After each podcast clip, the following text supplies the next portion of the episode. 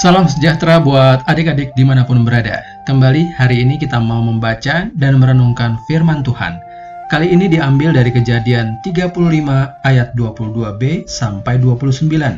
Ya, sebelum kita membaca dan merenungkan, mari kita berdoa. Tuhan Yesus, saat ini kami kembali membaca dan merenungkan firman-Mu. Terima kasih ya Tuhan, berbicaralah melalui firman-Mu, kami siap mendengar. Dalam namamu Yesus, Tuhan dan Juru Selamat kami. Amin. Kejadian 35 ayat 22b sampai 29. Adapun anak-anak lelaki Yakub 12 orang jumlahnya. Anak-anak Lea ialah Ruben, anak sulung Yakub. Kemudian Simeon, Lewi, Yehuda, Isakar, dan Zebulon. Anak-anak Rahel ialah Yusuf dan Benyamin.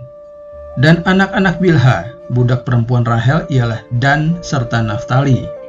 Dan anak-anak Zilpa, budak perempuan Lea, ialah Gad dan Asher. Itulah anak-anak lelaki Yakub yang dilahirkan baginya di Padan Aram. Lalu sampailah Yakub kepada Ishak, ayahnya di Mamre, dekat Kiryat Arba, itulah Hebron, tempat Abraham dan Ishak tinggal sebagai orang asing.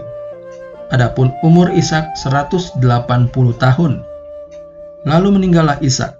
Ia mati dan dikumpulkan dengan kaum leluhurnya. Ia tua dan suntuk umur. Maka Esau dan Yakub, anak-anaknya itu menguburkan dia. Demikianlah firman Tuhan hari ini.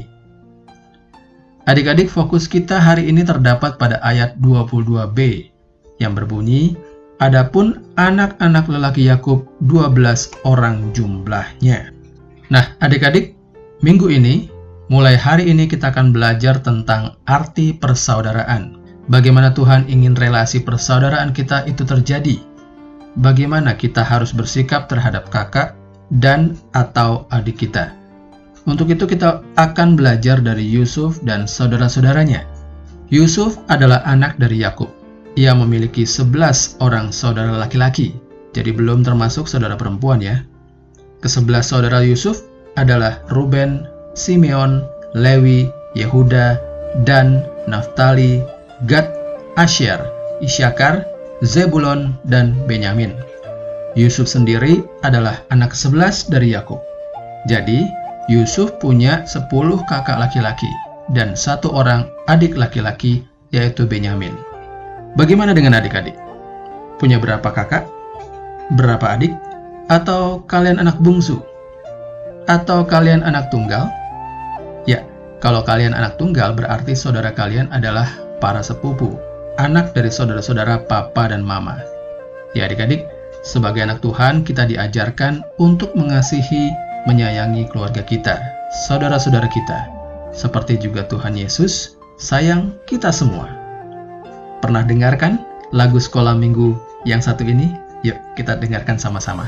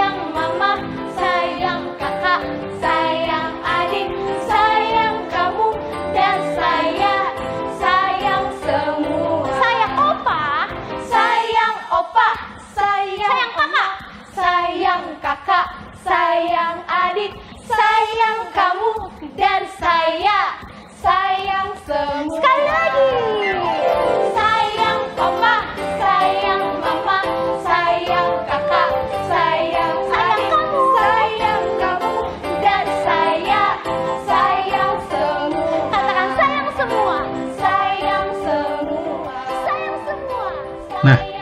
Adik-adik, Tuhan Yesus saja sayang kepada semua kita.